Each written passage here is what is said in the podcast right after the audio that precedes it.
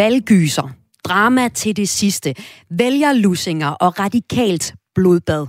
Valgaften er god underholdning. Så hvorfor ikke lave den til en film?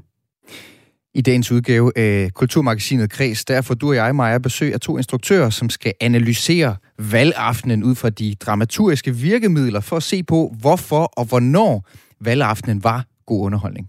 Sammen skaber de live her i udsendelsen en trailer for den film, de forestiller sig, man kunne lave med udgangspunkt i valgaften. Og den ja, opfører vi live i slutningen af programmet.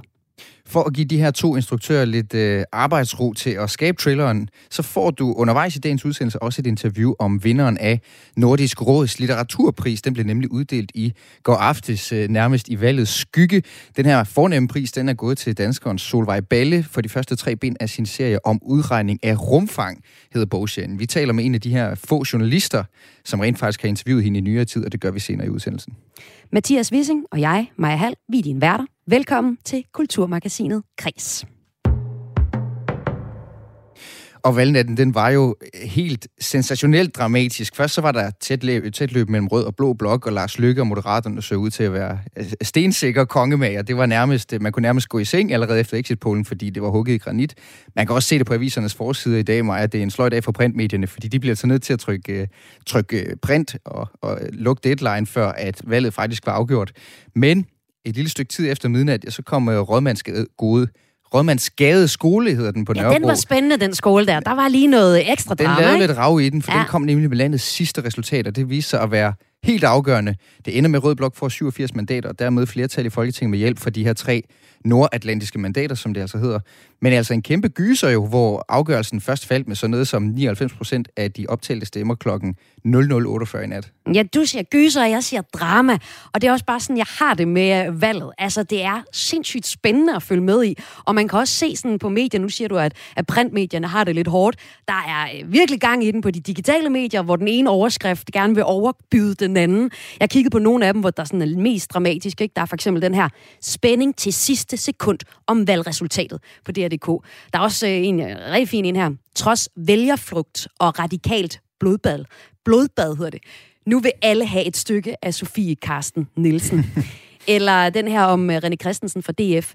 DF-profil holder vejret. Det bliver enten mig eller Pia Kærsgaard. Der er sådan lidt western over den. Jeg havde, en, yndling, jeg havde en yndlings, der kom allerede i går, aften, ja. i går aftes efter exit-pollen, og Marianne Karlsmose, som jo er leder af, af kristendemokraterne, hun, der var en overskrift, der hed, det kræver vist et mirakel.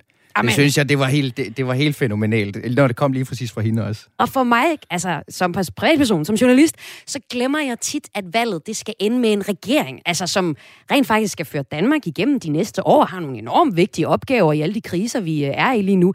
Altså når jeg sidder og ser valget øh, i fjernsynet og hører det her i Radio 4, så tænker jeg kun på, hvem vinder, hvem taber, hvem kvejer sig, og hvem holder den der tale, hvor man sådan ligegyldigt om man holder med partiet eller ej, sådan åh, virkelig godt kan føle lidt med alle dem, der har bakket op i tiden. Ikke? Det er sådan, det er det, jeg går op i. Altså for mig, så er valget ren underholdning. Hvordan har du det? Jeg kan godt lide, jeg kan godt lide magtspillet. Jeg, jeg synes virkelig, det der... Altså, når man kan mærke på sådan en valgaften, at det er magten, der er på spil, det bliver jo næsten altså klichéfyldt allerede, fordi at vi taler om magt, men det er fordi, at det taler ind i hele den der tradition. Den kommer jo fra sådan, som, for mig kommer det fra sådan som Shakespeare, King Lear og de her kæmpe episke dramaer, hvor at den abdicerende konge efterlader et lille vakuum, som alle så søger ind i, og det skaber en masse konflikter, og folk de skændes og toppes, og så, så sker det jo så det hos Shakespeare selvfølgelig, alle dør til sidst. Helt så dramatisk går det ikke i uh, in real life, det håber vi i hvert fald ikke, uh, og slet ikke i den her omgang. Men jeg synes alligevel, på sådan en uh, magtbarometer-skala, at vi var deroppe i nat.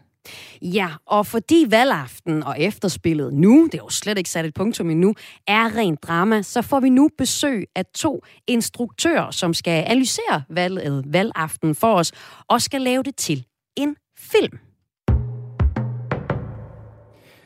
Og du lytter altså til Kulturmagasinet Kreds, og i studiet i dag er både Maja Hall og jeg, øh, Mathias Wissing, og med os har vi nu fået øh, to instruktører, filminstruktører, Ask Hasselberg. Velkommen til dig. Har vi hul igennem til København? Kan I høre os? Ja, ja det, det kan, kan vi, vi godt. Er, er der det noget med hele vejen over? I, I, I deler vist en mikrofon, Ja, men det går. det, det gør vi nemlig. Kan, ja. I, kan I høre mig? Det kan vi sagtens. Velkommen til, Aske. Og, og, og, tak. og jeg kan høre side, du står også i baggrunden, men lad, lad os lige starte med dig, Aske, og, og forklare over for lytterne, hvem du er. Du har blandt andet instrueret ungdomsfilmen Skammerens Datter, og så står du bag Antboy, og så lavede du julekalenderen øh, Kometernes Jul på TV2, og det er altså derfor, vi har booket dig ind i dag til at se på, hvordan vi kan forvandle valgaften til et episk drama. Ja, det er rigtigt. Og så skal vi også sige velkommen til, til dig, Sid Johansen, som også står ved samme mikrofon, kan jeg Tusind så tak. høre. Jamen, det er det, vi er kommet meget tæt på hinanden, Asger og jeg. Og det, og det er dejligt, fordi I kommer til at samarbejde tæt her den næste times tid, Sid. Ja. Du er teaterinstruktør, du er vant til at arbejde med teater, du er sådan lidt all-round på Teater sort i København. Du er både dramatiker og instruktør, mm. og så har du i år for eksempel lavet Potwalken 10.000 skridt til Aarhus Teater. Og I har begge to mm. set valg til langt ud på natten. Har det, har det været spændende at følge med? Ja, det synes jeg virkelig, det har. Jeg vil sige, jeg kunne nærmest ikke... Altså, jeg fulgte med helt til partilederdebatten, og så kunne jeg nærmest ikke falde i søvn bagefter. Så spændende, synes jeg, det var. Og jeg sad op til klokken 3 i nat og er fuldstændig balleret. øh, det var simpelthen, det var nærmest som at sidde i en biograf i ja, 9 timer, hvis der er nogen, der nogensinde har prøvet det. Man er fuldstændig øh, udmattet bagefter. Det var jo rent gyser, gyserfilm, det her. Ja, jamen, helt klart. Ja, nu siger du gyserfilm. Det er jo nemlig det, vi skal til at finde ud af. Hvad var det for en film, vi var vidne til i går? Hvad er det, vi skal trække frem fra valgaften, som er særlig spændende, og øh, som er materiale til en ren øh, film? Sammen med jer, der skal vi analysere valgaften ud fra de dramaturgiske virkemidler, og så skal vi se på, hvordan den her valgaften kunne blive til en film. Der er masser af godt materiale til at lave film af, det har I fortalt, og øh, vi skal starte med en lille brainstorm over, hvilke type film vi har med at gøre. Og det skal jo altså ende ud i, at vi live her i Kulturmagasinet Kreds til sidst i udsendelsen laver en trailer for den film, som vi opfører helt live. Men øh, først skal vi jo blive enige om, hvad det er for en film. Og øh, Siri Johansen, vi starter med dig. Yes. Du har blandt andet nævnt, at det her det kunne være en katastrofefilm.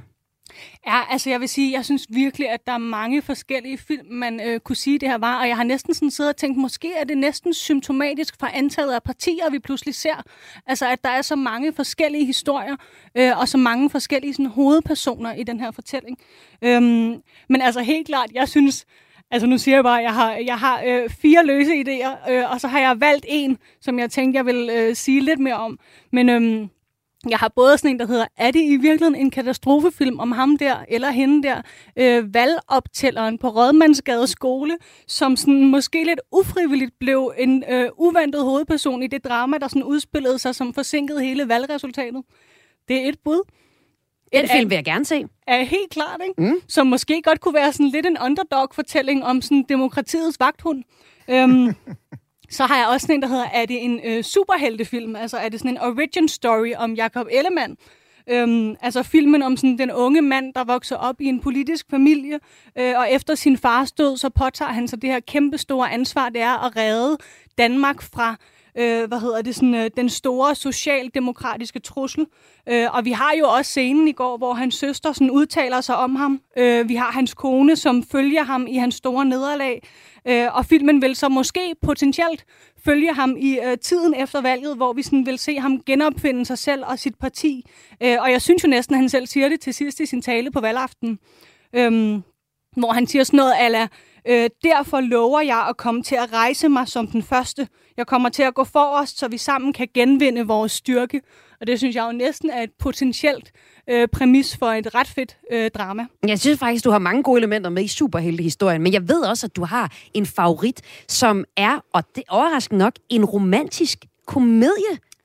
Ja, jeg synes jo, at det her godt kunne udspille sig som en form for sådan en romantisk øh, high school komedie om øh, kærlighedshistorien mellem øh, det usandsynlige par Mette og Lars. Øhm, og hvor Mette Frederiksen jo vil være sådan en rimelig klar øh, hovedkarakter, splittet ud mellem forskellige øh, loyalitetsforhold og sådan noget. Og det kan vi jo måske tale lidt mere ned i, for det er faktisk den idé, du vil øh, smække på bordet. Men øh, vi har jo også en anden instruktør med os, Ja. Ask Hasselbalg. Hvad siger du til, øh, hvad har du af gode idéer til, hvad det kan være for en film, vi var vidne til i går? Altså, man, man kan jo sige, at valget er jo et kæmpestort ensemble. Så man er jo nødt til at træffe nogle valg i forhold til, hvem man ligesom følger i, øh, i den her fortælling. Fordi jeg går ud fra, fordi det er en film, der forhåbentlig skulle i biografen eller på streaming, så har vi måske Den kommer sådan... på mandag, ja. Den kommer på mandag. Okay, vi har travlt.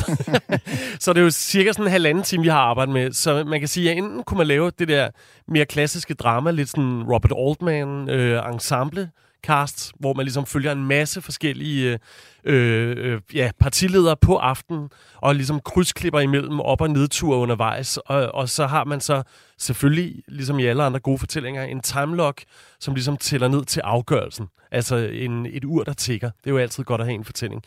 Men den idé, som jeg faktisk synes, øh, jeg vil pitche ind, det var mere, at øh, det her har jo været en, en gyser at følge med, som jeg startede med at sige. Og jeg tænkte bare, hvad hvis man reelt set gik, gik ned ad den vej og gjorde valget til en gyser.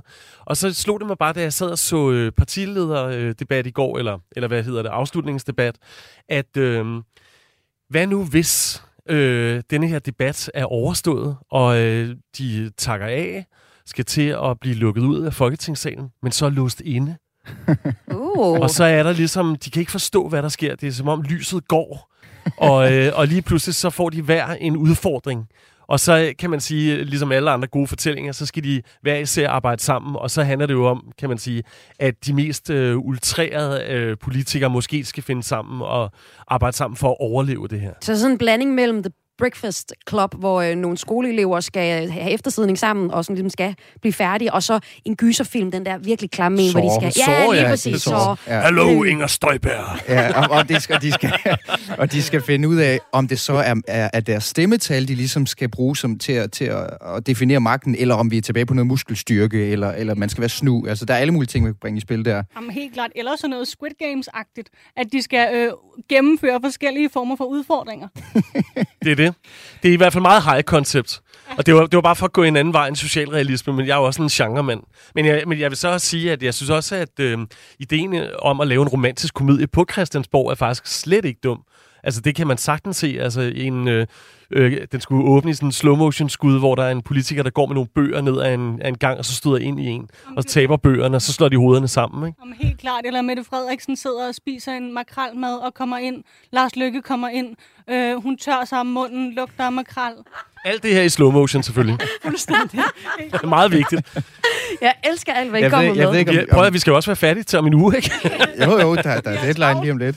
Og jeg ved ikke, om det der, du skitserer der side, om det er en, en, altså egentlig en, en high school mu- øh, komedie, eller om det i virkeligheden er en slags folkeskolekomedie, vi snakker om her. Ja, det er et godt spørgsmål. Hvem er, hvem er, er, kan vi blive enige om en hovedperson? Altså, jeg vil i hvert fald sige, at i min version, der er Mette Frederiksen jo den klare hovedperson med Lars Lykke som sådan en rimelig central medspiller. Jeg er enig. Øh, man kunne jo også overveje, altså nu skal vi jo jamme her den næste times tid, altså man kunne jo også overveje at kombinere de to idéer. Mm-hmm. Og, og ligesom, Romantisk gyserkomedie. ja, og ligesom sige, at det, den starter måske romantisk, og så ja. er det bestemt ikke romantisk længere. Det lyder meget moderne. Det er meget moderne, det, det I tænker i nu. Har vi nogle, har vi nogle oplagte bifigurer? Vi skal også, nu siger du, du siger før her, Aske, at det er et stort ensemblecast, der er rigtig mange spil, 12 partier og alt det her. Øh, er, er der nogle bifigurer, som vi skal have med? Altså, man, man kan jo sige, hvis vi, øh, hvis vi kridter banen op og ligesom går med øh, Mette Frederiksen og Lars Lykke som hovedkarakter, så, er det jo, så giver det jo nærmest sig selv, hvem deres øh, allierede er. Øh, umiddelbart, vil jeg sige. Øh, altså, jeg vil sige, at med... Altså, fordi jeg elsker genrefilm og sådan noget, så kan jeg jo godt lide ekstremer generelt. Og det er jo også godt i forhold til fortællinger, og også bare, øh, når vi ikke har så lang tid til at fortælle den her historie.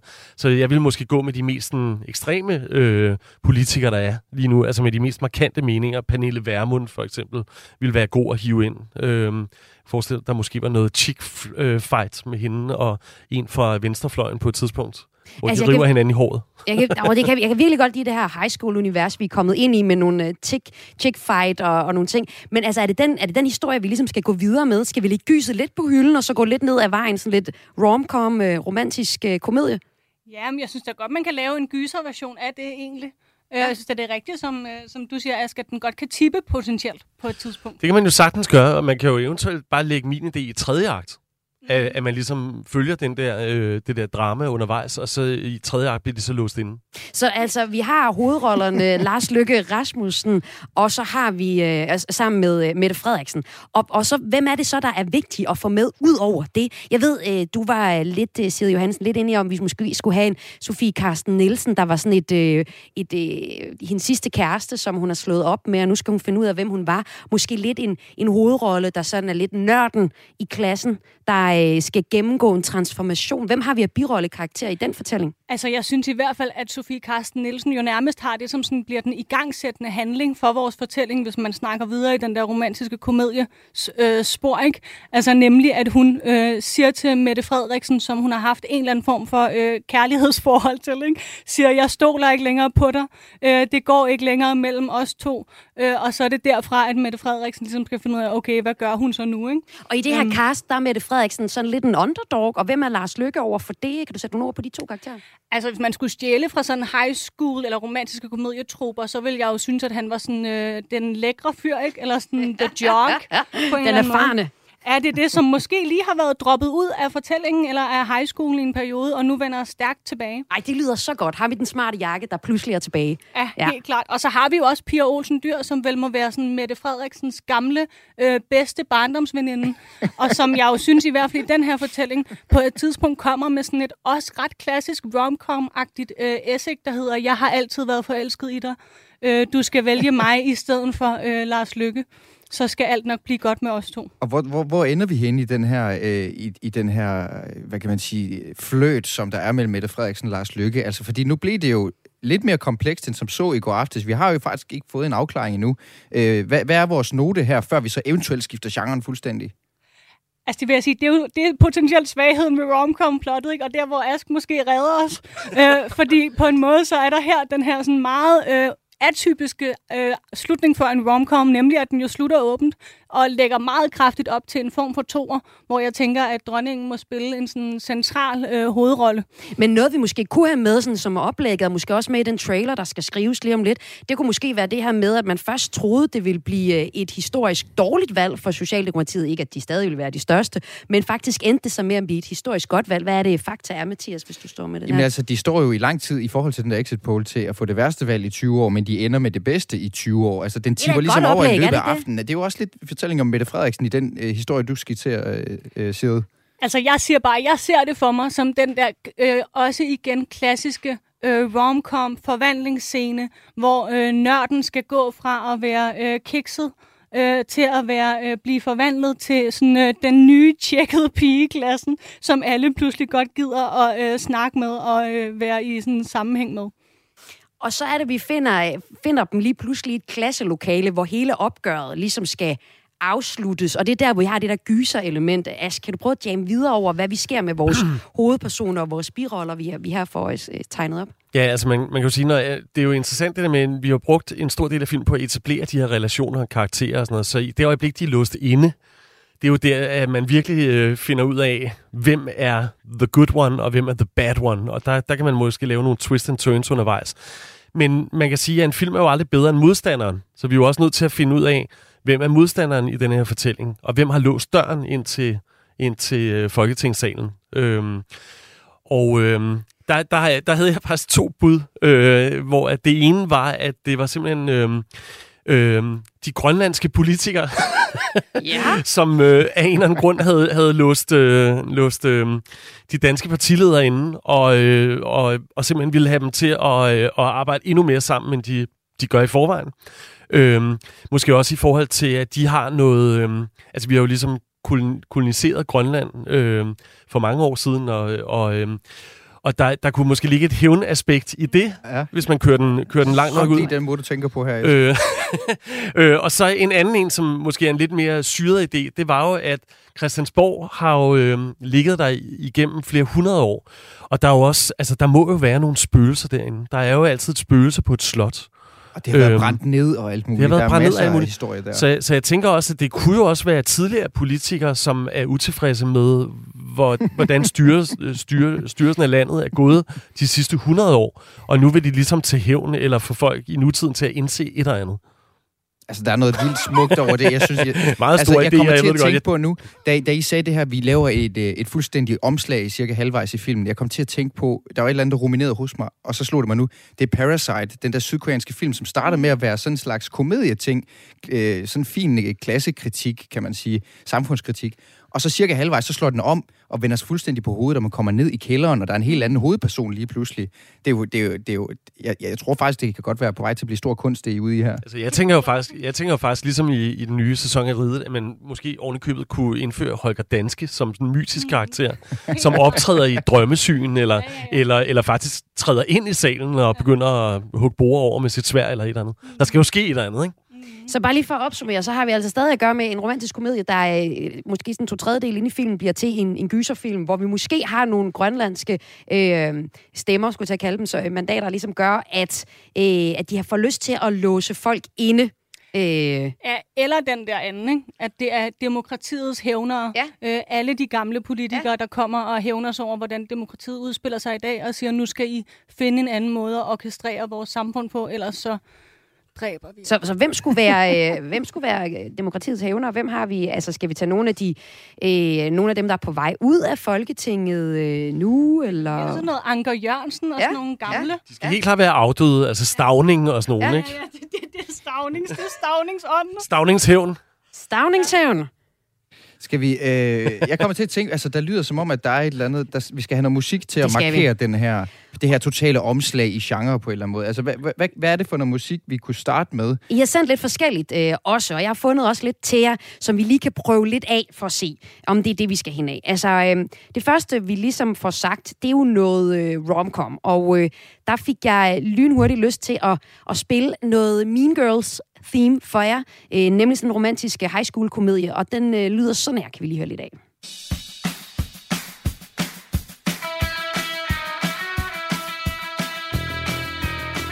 Jeg kunne man godt se en Lars Løkke og en Mette Frederiksen komme ind med en makrelmad, kunne man ikke det? Og helt klart, helt klart, og sådan noget. Men Mette, jeg troede, vi var venner.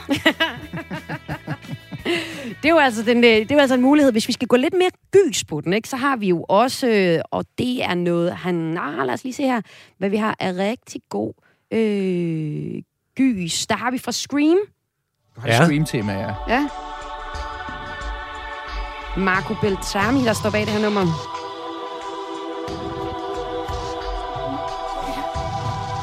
Og det bliver uhyggeligt. Og det bliver jo hyggeligt film, Ja, ja, det gør den jo. Altså, øh, der må man også, når man siger gys, så kunne vi også tage sådan en ægte gys og sådan noget Jaws, John Williams her. Den sniger sig ind på os. Den kommer nu, ikke? Så skulle det jo virkelig være Stavning, der kommer krybende her med den lyd. Man kan forestille sig sådan et øh, skud af sådan en tom gang hen mod øh, Folketingssalens dør. Og så blod, der begynder at pible frem under døren. Men jeg vil, jeg vil også sige, at når jeg hører temaet fra Mean Girls der, så får jeg jo nærmest lyst til, nu udvider vi jo konceptet yderligere, ikke? som om det ikke er et stort nok brød. Men jeg, jeg tænker bare, at øh, temaet her, det er jo Billy Idol, øh, Dancing With Myself. Og øh, øh, altså, jeg får lidt lyst til at gå lidt ned i de der sådan, ungdoms... Øh, ungdomsgrupperinger af de forskellige øh, øh, partier. Og måske det er meget sjovt det der med, hvad nu hvis der altså, de har været forelsket en gang, Lars Løkke og Mette Frederiksen, øh, på, øh, på tværs af partierne her. Og så øh, på et tidspunkt, så er der et markant skift. Det kan være, at de er til en fest, hvor det går galt. Og så klipper man ligesom til nutiden på valgaftenen her, hvor de begge to øh, savner hinanden, men de er bare fuldstændig splittet. For så er der noget i tredje akt, de ligesom, så er de nødt til at arbejde sammen og overvinde deres ungdomstraume på en eller anden måde. Helt klart, den synes jeg er meget fed. Hvor øh, stavningsspøgelset kommer ind i den, har jeg så potentielt lidt svært ved at se. ja men det, Så øh, skipper man det bare. Ej, ej, nej, ej, den synes jeg, at vi skal have inde. Til jo. gengæld, så synes jeg, at når man hører de der temaer, har man da næsten lyst til at kunne klippe mellem dem, eller klippe dem, lade dem morfe på en eller anden måde. Ikke? Helt klart, og jeg, og jeg tror også, at Scream-temaet, altså det starter sådan lidt stenet, og så bliver det faktisk lidt horroragtigt. Så jeg tror, man skal senere ind i det, hvis man klipper det ind i en trailer. at det handler om at få klippet på på det rigtige tidspunkt i forhold til Scream her også. Ja, netop. Ja. Og der er det jo så desværre sådan, at I har ikke fået den store øh, lydperson til at lave øh, musikken for jer. Det er simpelthen mig. Det er ikke budget. Det er ikke en del af budgettet overhovedet. Det er simpelthen mig, der gør det, for det, der skal ske nu, det er jo sådan set, at vi skal til at lukke jer øh, ned, så I lige får lidt arbejdsro. I skal til at skrive den trailer til den film, vi har talt om nu her i Kulturmagasinet Kreds, hvor vi altså prøver at analysere og tale os lidt ind på, hvad det var for en film, vi var vidne til i går i øh, valgaften. Den bliver til en trailer, som vi opfører live her i øh, programmet. Og øh, min opgave bliver nu at finde ud af, hvad det er for noget musik, I skal have under jeres trailer. Jeres opgave, Ask Hasselbalg og øh, øh Siri Johansen, det bliver at skrive noget musik til den, eller noget tekst til den trailer. I må gerne bruge os som øh, skuespillere, Mathias Wissinger og jeg, øh, til at være med. Vi kan også spike noget. Øh, det vigtige er sådan set, at I har max 50 minutter. For det er så lang, øh, lang lydklip, jeg kan overskue og arbejde nu. 50 sekunder. 50 sekunder, ja for sagen. 50 sekunder. Øhm, kunne I godt tænke jer, trailer. kunne I godt tænke jer, kunne I godt tænke jer, at der i de 50 sekunder sker et, et, øh, et emne, et genreskift? Ja. He- helt sikkert. Helt sikkert. Godt, jamen det går jeg ud og fikser til jer. Nu vi uh, tales ved på den anden side af et interview om Solvej Balle.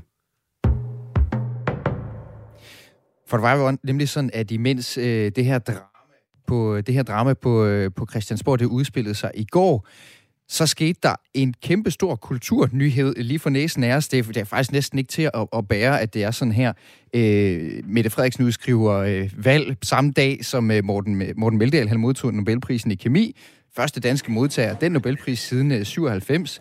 Øh, og nu sker der så det igen i går, at Mette Frederiksen igen tager spotlightet. Hun skylder efterhånden, for det, der skete i går, det var nemlig, at Solvej Balle, hun øh, modtog, danske forfatter Solvej Balle modtog øh, Nordisk Råds litteraturpris. Og hun modtager den for de første tre bind af sin bogserie om udregning af rumfang, hedder den. Øh, det, som juryen kalder et mesterværk til tiden. Og det her, øh, den her bogserie om udregning af rumfang, som i alt kommer i syv bind, den tager udgangspunkt i en dag, den 18. november, som hovedpersonen Tara Selter gen, genlever igen og igen, og det bliver nemlig bare aldrig den 19. november. Det er jo et koncept, man kender lidt fra, fra Groundhog Day, øh, det her time loop, øh, Groundhog Day-film med øh, Bill Murray, øh, hvor at, at hovedpersonen vågner til den samme dag igen og igen. Den her øh, bogserie, øh, den blev for første gang øh, undfanget tilbage i 1987 af Solvej Balle, men det første bind det udkom i februar 2020. Hun har altså tænkt over ideen og skrevet på bogserien i lang tid. Andet bind kom oktober 2022, tredje bind i 21, og så fjerde bind på trapperne. Og midt i foråret, så mødte du Felix Thorsen Kats Nielsen Solvej Balle i hendes hjem i Marstal på øh, Ærø. Du er kulturjournalist og anmelder på politikken, og så er du en af de få journalister, der har talt med Solvej Balle i de sidste mange år. Øh, velkommen til, Felix. Tak. Kan du sige øh, helt kort til at starte på, Felix, hvad er det, der gør Solvej Balle til en speciel forfatter? Jamen, noget jeg egentlig lagde mærke til, at juryen belønnede en for i går til Nordisk Råd Litteraturpris, det var, at de kaldte det her om udregning af rumfang et comeback, og de sagde ikke bare til dansk eller nordisk skønlitteratur, men til europæisk skønlitteratur. Altså, de lagde ligesom vægt på, at det Solvej Balle laver, og det hun skriver, er større end noget lokalt. Der er jo rigtig mange forfattere før og nu, der ligesom skriver om et eller andet med udgangspunkt i den sådan, lokale eller geografiske øh, virkelighed, de befinder sig i. Men der synes man ligesom, at Solvej Balle er, øh, er mere grænseløs. Og hovedpersonen i hendes bog, Tara Selter, er også en fransk kvinde, der bor nord for Paris. Så det er ikke sådan et... Øh, vi er jo meget vant til det, man kalder autofiktion, hvor folk ligesom skriver i, i baseret på deres eget jeg, men her der er der altså en, en, en, en, en europæisk borger til steder, som også i bogen øh, rejser rundt i Europa, efter hun ligesom har været fanget i den 18. november i, i flere år, begynder hun at, at rejse rundt. Og hun får den jo blandt andet Sura Balle for, altså, fordi at hun skriver, hvad man kalder verdenslitteratur. Er det ikke noget, vi øh, plejer at gøre i Norden, øh, siden at det bliver øh, hvad kan man sige, at, at det, hun får speciel anerkendelse for, for at skrive lige præcis det, vi kalder verdenslitteratur? Jeg tror godt, der kan være langt imellem det. Altså det er virkelig, når man læser øh, Solvej Balles om udregning af rumfang, er, kan man godt mærke, at det er stor litteratur, synes jeg i hvert fald. Øh, og der er helt, helt sikkert en anden det er ligesom højere og større end, end rigtig meget andet god litteratur. God litteratur kan også sagtens være hyperlokalt øh, og behandle noget meget nært. Øh, men, men her er der bare sådan et eller andet noget transnationalt på spil, og, der, øh, og det er selvfølgelig heller ikke hver dag, der bliver udgivet noget i Danmark, som er verdenslitteratur. Det er ikke hver dag, der bliver udgivet noget i hele verden, der er verdenslitteratur. Mm. Men, det, men det synes man ligesom, at, at Tova Balle har gjort, og det øh, vil jeg egentlig sige, jeg er enig i. Hvad, hvad er det så for en roman, som hun øh, vinder årets pris fra? Kan du fortælle os lidt mere om, om udregning rumfang? Ja, i virkeligheden er det jo, øh, er det jo et ufærdigt projekt som du siger, det er, det er et roman, ligesom der skal udkomme syv romaner, en septologi, som det hedder, øh, og der er udkommet tre, og her om, om små, store to uger kommer fjerde bind ud af syv. Øh, så det er jo et kæmpe projekt, og man har altså allerede belønnet hende, selvom hun ikke engang er halvvejs, fordi man ligesom synes, juryen synes, at allerede de her tre første bøger er, er et hovedværk i sig selv. Altså, så der er allerede, de er allerede en, ligesom en kulturskat, hun har fået udarbejdet. Øhm, og det er ligesom det her meget stramme koncept med, at den 18. november gentager sig hver eneste dag øh, og tager selv sig til synligheden er den eneste, der ligesom bemærker det. Hun vågner op i Paris og bemærker det den samme dag.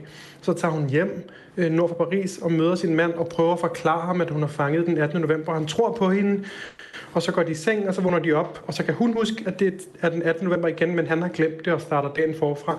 Og så skal hun hver dag forklare ham, at hun er fanget den 18. november. Og gudskelov, tror han på hende, og de har nogle sådan meget dejlige måneder, hvor hun bare kan nyde at være sammen med ham øh, og ikke skulle tænke på, at livet ligesom kræver alt muligt af hende, fordi hun skal jo ikke betale nogen regninger, hun skal ikke nå noget, for hun bliver ved med at vågne op den 18. november. Men så lige så stille efterhånden opstår der ligesom en afstand mellem dem, fordi tager selv tager jo også bliver træt af, eller det er hårdt for hende hver eneste dag at skulle beskrive alle de dage, der er gået, som hendes mand ikke kan huske. Så til sidst så lukker hun sig inde på et værelse i huset, hvor hun ved, at han ikke kommer. Fordi efterhånden ved hun jo præcis, hvad han laver hver eneste dag, hvornår han står op, hvad han spiser, hvornår han går ud og tisser, hvordan det lyder, når han nynner på vej øh, til supermarkedet. Så hun kan hans dag en til en. Så nu kan hun begynde at gemme sig inde på et værelse, hvor han aldrig kommer ind den 18. november. Og så begynder hun at leve sådan et meget ensomt liv i virkeligheden, hvor hun bare observerer verden, som gentager sig. Og så til sidst tager hun til Paris og videre rundt i Europa for ligesom at prøve at opleve noget andet, og måske også og ligesom opklare det her mysterie med, hvorfor hun er fanget den 18. november. Og til sidst i bog 2 møder hun faktisk et andet menneske lige pludselig til en forelæsning, som også er fanget den 18. november. Så lige så stille forgrener det her meget stramme mm. koncept så ligesom også til, at der opstår nogle andre regler inde i det her univers. Og når jeg forklarer det sådan her, så kan det jo lyde som om det er noget sci-fi eller noget... Ja, det, noget kan, det tænker man jo lidt. Det er også Jamen, og det er også spekulativ fiktion, altså hvor man ligesom øh, spekulerer i ting, hvis verden hænger sammen på en anden måde. Men selve teksten er enormt nede på jorden. Det er helt øh, klar, næsten minimalistisk prosa. Sova Balle er jo også ud af sådan en stor 90'er generation, altså hvor vi også havde Naja Marie Eid og Helle Helle i 90'erne, som skrev de her meget stramme, men også meget, meget smukke, gode bøger, øh, som havde sådan en minimalistisk skønhed, og den er også til stede om udregning og omfang. Så der er sådan en, i virkeligheden er det bare gode, gode bøger, som er vildt fede at læse, og der er en masse filosofi, og så er der bare det her meget, meget stramme greb, som gør, at der sker alt muligt mærkeligt, fordi tager selv tager fanget i den 18. november. Men kan, altså, mit hoved er nærmest ved at eksplodere, når du siger det her med, at det forrykker sig, altså et menneske, der ligesom er fanget på det samme sted i tiden, og hvordan det skaber distance mellem hende og så de andre, der ikke bevæger sig frem i tid. Og, og jeg bliver sådan at spørge, Elles hun, Altså bliver hun gammel, eller er hun, ja, hun lige gammel? Lige så stille bemærker hun jo, hun bemærker, at hendes negle gror, for eksempel. Og hun bemærker også, at hvis hun køber nogle kiks i supermarkedet, så er de der ikke dagen efter. Så lige så stille... Men hvis manden gør, så er de der. Hun er i gang med Ja, lige præcis. Ja, okay. alt, alt det andre mennesker gør, kan gentage sig. Men det hun gør, begynder ligesom at have indvirkning på verden. Så hun føler sig også som det her monster, der lige så stille æder den by, hun kommer fra. Fordi så er der ikke flere øh, kiks i det supermarked, så må hun længere væk. Og når hun tager en porre ude i haven, så er den forsvundet dagen efter. Så lige så stille har hun ligesom, får hun ligesom opbrugt verden. Og det er også en af grundene til, at hun må rejse rundt. Men altså, det er enormt svimlende at læse på en, en helt vidunderlig måde. Jeg læste bøgerne ret hurtigt, fordi jeg skulle besøge Sovej Balle øh, på Ærø, og jeg var helt rundt også. Altså, det var sådan noget med, at min kæreste kunne, kunne råbe og sige, nu skal vi spise, og så vågnede jeg ligesom op, som om at jeg også havde været fanget den 18. november. Det er sådan en lidt det er lidt uhyggeligt. Altså, jeg er også lidt bange for den næste 18. november, fordi tænk, hvis vi ligesom rører ind i sådan et, et hul, og ikke kan komme ud igen. Og det lyder jo helt altså, fænomenalt med det her med et ret simpelt greb i virkeligheden. Altså sådan en time loop her, og så skrive alle de øh, logiske konsekvenser, der vil opstå som, som konsekvens af det. Altså, det, det, er jo egentlig, det er jo egentlig ret øh, genialt fundet på. Jeg skal også nå at høre dig, øh, Felix uh, Thorsen Kats Nielsen. Du er en uh, af de journalister, som har været nede og besøge hende. Det var nemlig sådan, at legenden fortæller Sovej Balle, hun for snart 30 år siden gik ind til en frisør i København og beder om at blive klippet, så hun lignede lever på steg, fordi hun nemlig i 93 havde været et rigtig stort navn på den her kæmpestore bogmesse i Frankfurt. Hun har fået et internationalt gennembrud med, med sin roman ifølge lån, som var solgt til udgivelser på, på rigtig flotte forlag rundt omkring i Europa, men det med at turnere rundt, tale med pressen, alt det her, forsøge at sælge bogen, som vi var. Det gad hun ikke. Hun er meget radikal på den måde. Hun vil hellere bruge sine kræfter på at skrive. Her til sidst øh, skal lige høre dig, hvordan det var for dig at besøge hende i hendes hjem i, øh, i, i Marstal på Ærø, og hvad var det for et møde, du havde med hende? Jamen, det var et enormt hyggeligt møde. Hun er et meget, meget venligt og klogt menneske. Øh, det, var ikke, det var ikke sådan en, en journalist fob, øh, jeg mødte i Marstal. Hun var meget, meget øh, gavmild og havde lavet lækker mad til mig og fotografen, der kom, og vi snakkede lang tid om hendes bøger. Øh, men, det, men det er også et ensomt projekt, tror jeg, for hende at være forfatter. Hun er også sådan en stilsikker forfatter, der ikke har brug for at lave så meget show. Hun vil bare gerne skrive, og det har hun gjort i alle de år, hun har været forfatter. Det, øh, vil jeg også tro, hun bliver ved med. Så det er også, hun er sådan den slags, måske lidt, man kan synes, det er lidt old school, ikke at være en forfatter, der er meget på sociale medier, eller meget travlt med at formidle sig selv og sin historie. Hun vil bare gerne skrive. Tak skal du have, Felix Thorsen Kast Nielsen, journalist, kulturjournalist øh, og anmelder for politikken. Selv tak. Og selvfølgelig også tillykke til Solvej Balle og til hendes forlag Pelagraf. Og med den her pris, så, øh, så indskriver Solvej Balle altså, altså på samme liste som en række mega flotte navne, som også har modtaget Nordisk Råds litteraturpris. Det er Gunnar Ekelof, Thomas Tranströmer, Claus Rifbjerg, Sofie Oksanen, Naja Marie Eid og mange andre helt fantastiske forfattere.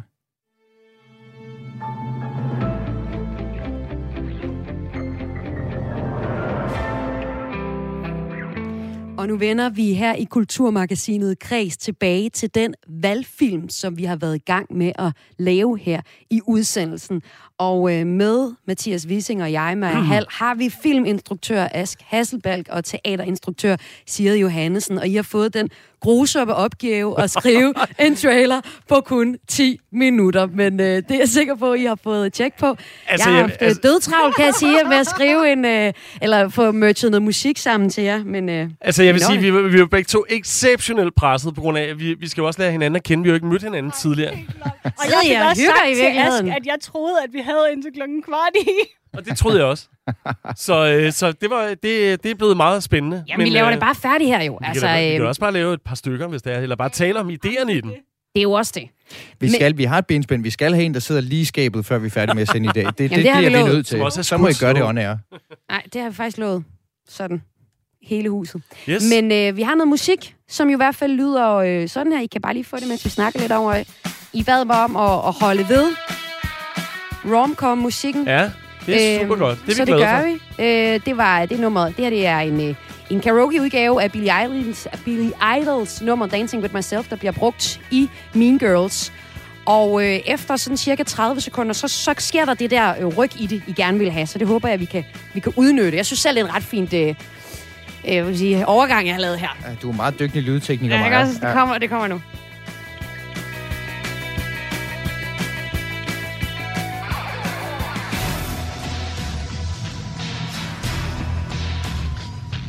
Hvad siger I så? Det er super fedt. Altså, der blev det, lige til noget Scream. Ja, det, er helt, ret flot, det, det er super fedt. Øh, og det er jo også noget, vi, vi har arbejdet ud fra, kan man sige. Altså, vores, vores trailer er jo bygget op om det her koncept med, at vi, øh, at vi har det her meget positive, ungdomsagtige musik, og så er der markant skift. Og det er ligesom det, vi har prøvet at arbejde med. Yes. Øh, men altså, vi har jo haft 10 minutter. ja. Ej, du, be, du er benhård. Ja. hvad, hvad var den største hurdle, altså, ud over tid? Altså, øh, helt ærligt, at sådan, selvom jeg synes, at det, vi har nået frem til, jo er knivskarpt, så øh, var det ikke sådan på den måde, fordi vi havde en øh, knivskarp historie, man bare kunne sige sådan, den skal vi fortælle på den her måde fra A til B. Så vi havde også lige noget sådan konceptarbejde, vi lige skulle runde. Ja, hvis vi lige kan opsummere til jer lyttere, der lige har hoppet ind her i Kulturmagasinet Kreds på Radio 4, så satte vi jo altså jeg to instruktører til at fortælle os, hvad det var for en film, vi så i går. I grove træk, så sagde det var en romantisk komedie med øh, Lars Løkke Rasmussen, mellem Lars Løkke Rasmussen og Mette Frederiksen, hvor der så er nogle bifigurer, der er ikke vil den det bedste, og Lars Løkke er måske sådan den her skolens smarte dreng, der er droppet ud af skolen, kommer tilbage igen. Mette Frederiksen tror, hun skal have ham. Det skal hun måske ikke alligevel. Måske kan hun klare sig selv. Og i det hele, der sker der lige pludselig to tredjedel ind i vores film et twist. Det bliver til en gyser, det bliver til en rigtig valggyser. Så det er altså det, vi... Øh, det var det, I ligesom blev sendt i byen med at lave en trailer ud fra, ikke? Det er det. Ja. Så hvad sker der? Hvad, jeg er spændt på at høre. Hvem siger hvad, og har I lavet en, en, en, en speaker? Og hvem skal være speaker? Hvordan kører det? Vi har simpelthen bare lavet en speaker, og Ask har taget på sig at være speaker. uh, må vi høre din gode speakerstemme så? Øhm, gør du? Den kommer lige her. Ja, Hvordan okay. er det her? Altså, man, man kan også sige, en god speaker, det er jo også noget med, at den, den skal jo nok starte i et tempo, ligesom musikken, og så gå over i noget andet. Ja, der skal du bare lytte efter musikken, og så kører det, ikke? Jo, jo. Prøv, at der er jo en grund til, at jeg står bag kameraet, skal du tænke på. Ja, det er ikke. Men kan I løfte lidt af sved for, hvad der står på, på den på jeres seddel? Vi kan jo lige prøve at tage et par runder på den, selvfølgelig. Øhm, kunne du tænke dig det? Ja, helt klart. Hvad hedder det? Um... Jeg skulle lige skrive nogle noter. Øhm... altså, det, der står på vores sæd, det er en form for øh, potentielt lidt uskarp øh, start på sådan, øh, alt er lykkeligt i øh, de her menneskers liv. De har været i ungdomspolitik sammen. Øh, de løser en masse kriser. Øh, nedturene er der, men de er næsten ikke til at få øje på, og så på et tidspunkt, så skifter det. Øh, og øh, den, som øh, Mette elsker, siger hun ikke længere stoler på Mette, og nu skal Mette tage et stort valg. Øh, og hvad må hun vælger? Og så har vi godt nok også lidt demokratiets spøgelser, som sniger sig ind til sidst. Cool. Men skal vi prøve at sætte musikken på og høre, hvad det er blevet til? Vi kan justere lidt efterfølgende. Ja. Ja, I skriver bare videre. Men lad os, lad os prøve. Nu tager vi lige en dummy. Ja, det er jo tit, dummyen bliver god, ikke? Så lad os regne med det, ikke? Altså, skal jeg speak nu, eller hvad? Okay. Ja. Det er virkelig jazz, det her. Har, vi, har vi fundet på, hvad den skal hedde, filmen her? Øh, Det har vi det, har vi faktisk... Altså, vi snakkede jo kort om øh, Stavningshævn. Ja.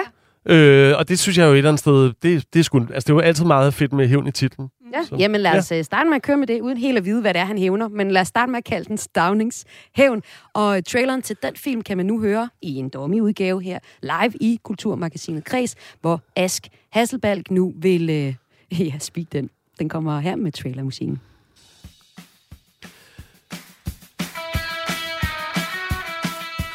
To politiske ledere med en fortid i hver deres ungdomsparti.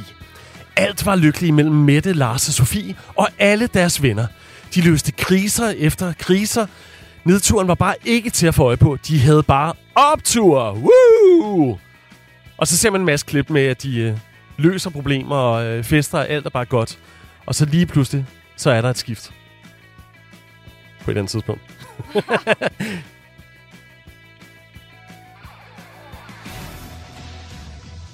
Men hvad ville du gøre, hvis den, du elskede engang, ikke længere stolede på dig? Tiden for Mettes store beslutning er kommet. Men hvem vælger hun? Demokratiets spøgelser er igen begyndt at spøge. Og hvad sker der, hvis fortiden ikke er tilfreds med nutiden? Okay, jeg synes, vi har et rigtig godt udgangspunkt her. Jeg skal Men lige øve mig lidt. Ja, det, ja, ja, men det skal vi jo alle Jeg synes faktisk, det blev, det blev smukt og uhyggeligt hen mod Ja. slutningen, hvor, altså, hvor fortiden ikke var tilfreds med nutiden. Der, Ja. der er nogle gode, øh, nogle Men gode en abstrakter lille der. note til vores øh, lydansvarlige. Kunne man klippe bare en lille smule af den der øh, positive musik?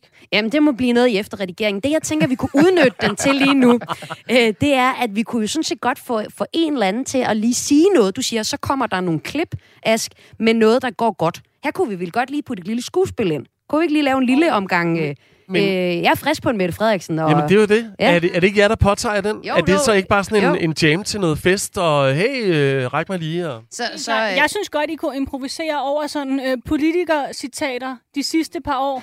øh, er der nogle nøgleord, I kan huske, de har sagt? Øh, Og som I kan sige sådan lidt positivt. Ja, hvad har vi af gode? Vi har, Lev øh, med det. Lev med det. Lev med det. Den tager jeg. Ja, og, det, og den, ved du hvad, den kommer, når, at, øh, den kommer, når at, at, at, at de går fra hinanden. Sofie Carsten Nielsen øh, øh, sætter foden ned over for Mette Frederiksen. Me, øh, Mette Frederiksen vil forlade hende. Hun fortryder Sofie Carsten Nielsen, så siger hun, lev med det. Og det kan jo også være i starten, bare for at etablere, hvor godt de har det sammen, så handler det også om, at, at Mette har lavet madder til dem. Ja. Ja. Som de er super... Åh, oh, hvor er det lækkert, det her. Okay, men jeg skal lige være sikker på, hvad det er for nogle... Ja, nu skal jeg jo lige være rollansvarlig her. Hvad er det for nogle ting, vi skal... Skal vi have, nogle, skal vi have de der makrelmadder med ind i, i den her trailer også, eller hvad siger I? Det synes jeg personligt er en ret god idé. Okay. Det er en Så- soundbite. Hvornår skal den komme, Ja. Ask? Det skal vi have at vide. Jamen altså, det er jo, hvad hedder det... Øh, øh, det kunne være lige efter, at jeg siger, at de løste kriser efter kriser. Øh, Ja. ja. så, så kunne man... Øh, så en krise kunne for eksempel være, øh, at, at, at Mette siger, Gud, der er ikke mere makrel. Okay. Og så siger Lars, hey, jeg har lige fundet noget herover. Ja, Det er virkelig godt, det her, ikke? ja. Makrel. Øh, kriser efter kriser. Okay, og du er med på, øh, Mathias, at spille Lars Lykke her? Ja. Ja. Han behøver ikke sige det her ordret, uh, Mathias. Han kan sagtens sige noget jeg, jeg jammer over det. Ja, helt ja. klart. Ja. Der har du noget kunstnerisk frihed, Mathias. Og jeg Fedt. siger juhu. Okay, det var så... Nå, det, og det var måske bare den... Skal vi have noget lev med det med ind i det også? Og så siger, skal han sige et eller andet med, åh nej, det er i virkeligheden torskeroven. Eller, nej, der er ikke noget lev Ej, nu skal vi have speakeren tilbage på banen, ja. og så kommer der en ny scene lidt senere i det. Åh. Øh, og det er der, hvor der så bliver sagt, hvor vi så skal have lev med det. Hvor kan vi proppe den ind side? Øh, hvad hedder det? Ej, jeg synes da egentlig, at det er meget fedt at have levet med det ind efter det der. Altså, det er jo det der lange mellemstykke med den positive musik, ja. som vi skal løse på en eller anden måde. Ja, Så jeg tror, det er nødt til at komme ind der. ja. Okay. Må, jeg- må jeg foreslå en anden titel til Ja. filmen? Ja. Altså, det er jo, nu snakker vi jo om det der liv øh, med det og sådan noget. Hvad med liv med det? Liv. Liv med det. Liv altså, med det. så det er sådan overlevelses... Øh... Ja. Nå. Ej, jeg ved sgu ikke, hvor godt det er. Jeg overvejer også kortvarigt, hvad med Mettes Choice? Ja. Oh, det er næsten for litterært. Ja, det, er- og det er for engelsk. Det er et engelsk Åh, ord, ja. det der side choice. Det kan vi ikke have med. Helt klart, det går ikke. Det ved jeg ikke, om du er opmærksom på. Jeg synes, lev... Altså, okay, okay, jeg har... Jeg, har- lev, så, komma med det. jeg, jeg kan udvikle, ja. Udvikle den her soundbite, ikke? Så, så du siger, de løser kriser efter kriser, og så siger jeg Mette, i form mig, så siger jeg, åh oh, nej, der er ikke mere makrel, og så siger Lars Lykke, hey, jeg har fundet noget, og så siger Mette, mm, jeg har masser af mayonnaise at putte ovenpå, og så siger Lars Lykke, ad mayonnaise er ulækkert, og så siger Mette, lev med det. Ja, helt klart. Det, det, Lad os prøve dem. det, det, det er da fint. Det er da fint.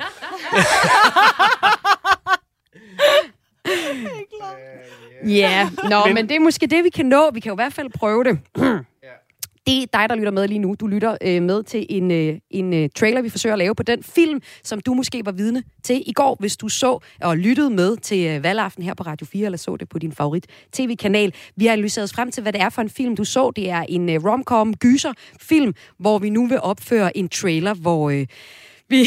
Og jeg mangler en ting, vi skal Ja, have ind. Øh, Side Johannesen, du skal øh, være Stavnings spøgelse, og du skal sige, og du skal sige en eller anden ting i anden halvdel, som er uhyggelig. Bare lige en, en sætning, hvor vi skal ind og sige et eller andet. Og det må du jamme. Ja. Og, det må, og, og du, skal, du skal koordinere med Ask nu, hvor det skal ligge henne, fordi vi skal, vi skal have dig på banen også i forhold til Stavnings spøgelse her. Helt klart. Jeg kan godt lave sådan nogle uhyggelige sådan raspelyde, tror jeg.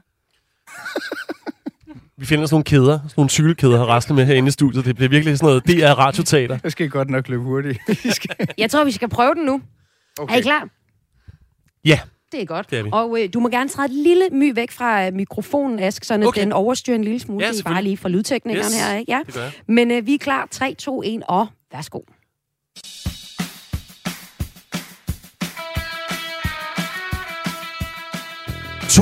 Politiske ledere med en fortid i hver deres ungdomsparti. Alt var lykkeligt mellem Mette, Lars, Sofie og alle deres venner. De løste kriser efter kriser. Åh oh, nej, jeg har ikke mere makrel, Lars. Hvad gør vi? Hey, rolig, jeg har fundet makrel herover. Lækkert, så skal vi bare have super meget mayo ovenpå. Skal vi have mayo på? Lev med det. Nedturene var bare ikke til at få øje på. De havde bare opture. Woo! Men hvad ville du gøre, hvis den du elskede ikke længere stolede, stolede på dig? Det er tid til Mettes store beslutning. Hvem vælger hun? Demokratiets spøgelser er begyndt at spøge igen. Hvad sker der, når fortiden ikke er tilfreds med nutiden?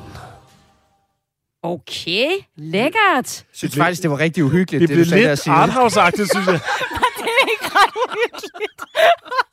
Det var meget stavning-agtigt, synes jeg. Men Prøv er lige, prøv lige at sige det igen. Meget teater. okay, vi, øh, vi er ved at have en trailer øh, færdig her. Altså, skal vi nå en sidste, et sidste bud på den? Er der nogle småjusteringer, vi vil til allersidst? Altså, eller er I altså, godt tilfredse? Altså, jeg, jeg synes, starten er ret fin. Ja. Og så synes jeg, at kæden hopper lidt af i forhold til, ligesom sådan, hvad fanden der egentlig foregår. Den er meget abstrakt. Men jeg tror også, det er fordi, at vi tænker jo nok begge to også i, øh, i hvordan den her skal visualiseres, og hvad der ligesom skal det, ske. Det er det, der er udfordringen. Det, det er meget svært at lave en trailer øh, uden, øh, uden en, en stærk øh, visuel billedside. Ja. Okay. Så det, men ellers er I tilfredse med det, eller hvordan? Altså det eneste, jeg har, det er, at jeg synes, at ordene, men hvad vil du gøre, hvis den, du elsker, ikke længere stoler på dig, er sådan en lille smule uklar. Meget uklar. Men, øh, men prøv at høre, det... Øh, Det er ren romcom til gengæld. Så må vi jo sælge den på castet. Jamen, Okay, klart nok. Og efter sådan en trailer, så er der jo også altid en trailer 2 og lidt tekst, og, og, og nogle, øh, hedder det, nogle journalister, der forvirret spørger, hvad handler den her film Det er jo en teaser, om? det her, ikke? Men det er jo også det. Og det er jo det, der er, er brug for os. Ikke? Hvis vi lige skulle, hvis vi skulle skrive noget af den teaser om, hvad, hvad er det, Stavning repræsenterer i det her valg? Altså er det det der med, det er et historisk valg, og Stavning, altså hvis vi skal spænde noget til, hvad det er, vi var vidne til i går på valgaften. Stavnings figur. Ja, det er et godt spørgsmål. Altså, hvad hedder det? Jeg tænker da, at øh, hvis man stod øh, altså sådan helt reelt og var sådan en repræsentant for sådan en eller anden gammel demokratisk idé, så er der vel både noget med det der med øh, regeringer ind over midten og den der sådan konsensuspolitik, øh, som man er begyndt at sådan virkelig søge, som man kunne øh, kritisere, øh, eller i hvert fald synes var problematisk. Og så tænker jeg egentlig også, at der er sådan en øh, generelt demokratisk krise, vi, vi på en eller anden måde jo befinder os midt i, som øh, jeg i hvert fald ville, øh, som kunne få mig til at stige op af min grav, hvis jeg var øh, repræsentant for det gamle demokrati. Har vi nogle idéer til, øh, hvem vi skal have castet til den her øh, trailer? Altså nu, nu har vi jo rigtig godt skuespil fra både mig og jeg, og dig side, øh, og en god speaker på, men når filmen nu skal realiseres, hvem skal vi have i de her, i de her nøgleroller? Jamen altså, Og jeg der er jo havde... frit valg internationalt nu. Det er Nå, selvfølgelig, okay, at okay. det Jeg, her har jeg havde faktisk... budget. Altså, jeg, jeg vil sige, at jeg tror faktisk, det er meget godt, at vi holder os lokalt. Det, det, øh, Så danskerne kan spejle sig i det. Præcis. Præcis. Så, øh, så jeg, jeg vil sige, at Lars Lykke, altså nu, nu er det jo, øh, nu, nu kan man jo sige, nu er det jo alle mulige forskellige her. Jeg vil sige, at en Lars Lykke kunne for eksempel være sådan en som Jens Jørgen Spottak. Mm. Ja, helt klart. Selvfølgelig. Ja, godt bud. Øh, Ja. Og så hovedkarakteren, men, men man kan også sige, at vi er jo også nødt til ligesom at finde, ud- finde ud af, hvordan den her film skal finansieres. Og så øh, vil jeg umiddelbart pege på, at Mette Frederiksen skulle spilles af Trine Dyrholm. Øh, fordi hun er en af, af landets øh, bedste skuespillerinder selvfølgelig, men også fordi, at hun ligesom er bankable i forhold til at få det her lidt mærkelige koncept igennem, tror jeg. Det tror jeg, du har helt ret i. Så Jens, Jens Jørgen Spottak og, og Trine Dyrholm, og så Øhm, og så Sofie Carsten Nielsen skulle så være Ja. øh, øh, so, øh, Sofie Torp, tænker jeg. Ja, okay. Okay. Øh, der er et eller andet... Øh, det, det vil jeg tro på, umiddelbart. Aktuelt fra lykkelige omstændigheder. Det må, det må man sige, og øh, helt klart en af de øh, nye, mest interessante skuespillerinder, vi har. Det, det begynder lige noget jo. Det synes jeg også. Og sådan lød det altså nu. Tror jeg, vi må sige uh, tak, fordi I var med til at uh, lave den her trailer til den her film, som vi var vidne til i går. Uh, altså på uh, valgnatten, hvor vi har fået uh, filminstruktør dig, Ask Hasselbalk, og teaterinstruktør dig, Side Johannesen, til at lave ikke bare en snak om, hvad det var for en film, vi så, men også hvad det var for en, eller også hvordan traileren så ville lyde til den film. Tusind tak, fordi I var Det var med. en spurt. Det var flot. Tak. Godt gået. Tak, det blev rigtig godt. Virkelig godt. Og øh, vi har lige øh, et par minutter tilbage endnu. Mathias, er du glad for, at vi øh, eksekverede den idé her med at lave en trailer Øh, valgaften? Altså, vi får travlt nu. Vi skal virkelig hjem og ringe nogle penge hjem til at få det her projekt øh, sat i søen. øh, Og specielt, når vi både skal have fat i øh, Jens Jørgen Spottak, Trine Dyrholm og Sofie Torp. Ja. Det er jo tre hotte navne på den måde. Men de kan også hjælpe på billedsiden, tænker jeg. det er jo det, og det var måske det, der haltede. Det var mest alt det, der haltede. Og så, og så kan det være, at vi skal øh, give lidt bedre tid til brainstorm en anden gang. Men lad os lige prøve at høre den igen. Altså, her er det en øh, trailer, som øh, vi har lavet her i Kulturmagasinet Kreds sammen med Ask Hasselberg, der er filminstruktør, Sigrid Johannesen, som er teaterinstruktør. Vi bad dem om at fortælle os, hvad det var for en film, vi så i går aftes i nat. Øh, altså øh, vores valgnat. De sagde, det er en blanding mellem en romantisk komedie og en gyser. Og øh, den kom til at lyde sådan her, hvis øh, det var en trailer til den film, hvis den skulle komme. Altså, lad os prøve at høre den.